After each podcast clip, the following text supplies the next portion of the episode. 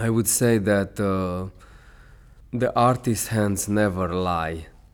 You know, that's one of my saying that whatever you do with your hand, it's not a lie. It's something that is there to prove your existence. Is there to prove that you you've been part of that of that time that you passed into that moment in that specific location in MACBA, you know. So I was here in doing that. Fons. Obres de la col·lecció MACBA explicades pels artistes. Mircea Cantor. Chaplet is a wall drawing that is made with uh, my own fingerprints on the surface of the wall or on the glass sometimes, but it has to be a fixed wall. And uh, is made with uh, etching ink, and I dip my fingers into the etching ink, and then I I stamp it onto the wall. So basically, it's the the same procedure as you would do a monotype in a, in a graphic arts because I I was very much uh, involved into the graphic arts, into the lino cut and uh, xylogravura and um, woodcut, and um, so I'm very passionate about how to leave uh, these traces. Chaplet was born in 2007. I had a solo show in uh, north of France in an art center, and uh, the idea of doing Chaplet was related to the issues related to the the idea of uh, the limit of the human body re- in relationship with today's technology related to the uh, biometrics and uh, all these issues related to security. My way of talking to about these issues was to involve what we have the most intimate, like the the ultimate frontier, the ultimate barrier border as a human beings because nowadays when you go to pass uh, through certain borders or to a certain official doors you have to leave your fingerprints you have to give leave your uh, eye uh, irises and that really uh, questioned me after September 11 2001 you know all these issues related to the security and that it's not enough to have so that means that our body became really like a readable and recordable border.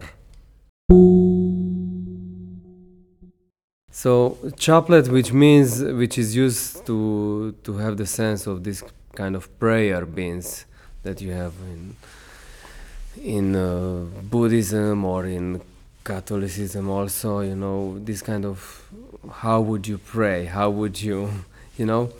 So you use your finger, you use in order to recite a certain prayer. So I think that transferring these issues of uh, religiosity to politics, it it has a very strong uh, identity of um, of talking about your position as a human being in today's society what is your religion? Is the religion of uh, security religion of fear the religion of the breaking intimacy because of your body because of intrusion via official decision official laws that you can enter? You are not anymore. And because you want to be secure you would uh, freely give your fingerprints you would freely give your irises and all these biometrical issues. You will freely leave your DNA, no, because we are talking about DNA.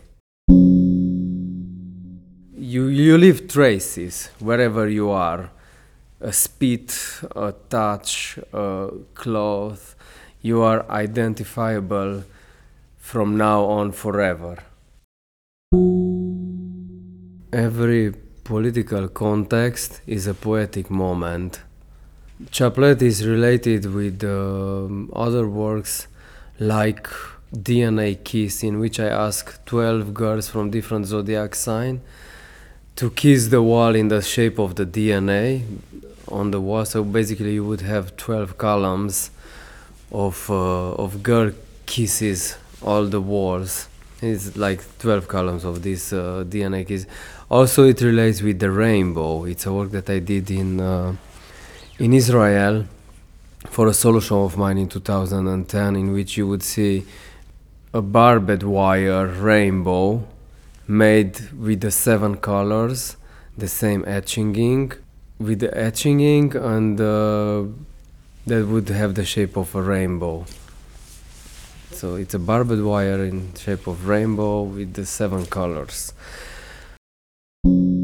Uh, Another work that I would mention in relation with this is um, a recent work which has it's a map of the world that is uh, drawn with the smoke of a candle. And basically it's all dark and black and smoky. And the title is the world belongs to those who set it on fire. All these works what they have in common is the idea of leaving a trace and also um, tracking happiness. That's a major work of mine really major in which you would it's a video work in which you would see uh, seven women walking in the sand and the uh, the one which is going behind s- sweeps away the traces uh, that sh- the, the first one leaves. So this idea this utopic idea of leaving a trace it's a goal in itself in the today's society when everything is trackable everything is recorded everything is uh, you know you cannot be anonymous anymore. You have so much social media you have your bank account you have your you know you are there you are not anymore invisible you know? I mean to become anonymous it's almost a illicit act. So chaplet it's mo- almost like a fresco you know? So this um, manufactural aspect of the work it's very important to me because it's it's something that speaks about really about the artist you know? It's like the Sistine Chapel. You wouldn't cover the Sistine Chapel with a white paint you know? Because it's there. So it's it has this kind of direct and um, strong impact that you see that it has been done on location you know? Because okay nowadays you can see a lot of works and things that travel uh, but the fact that the artist has came the artist was there in 20 years this time you would perceive it differently. It's not like okay we have a piece of a photograph of that and that but he came on the wall and art is all about this you know to be present there at the moment when you make it at the moment when the visitors encounters it and sees really you know this kind of sacrality almost but not in a idolatric sense in the fact that you you can really be in touch with something that happened there you know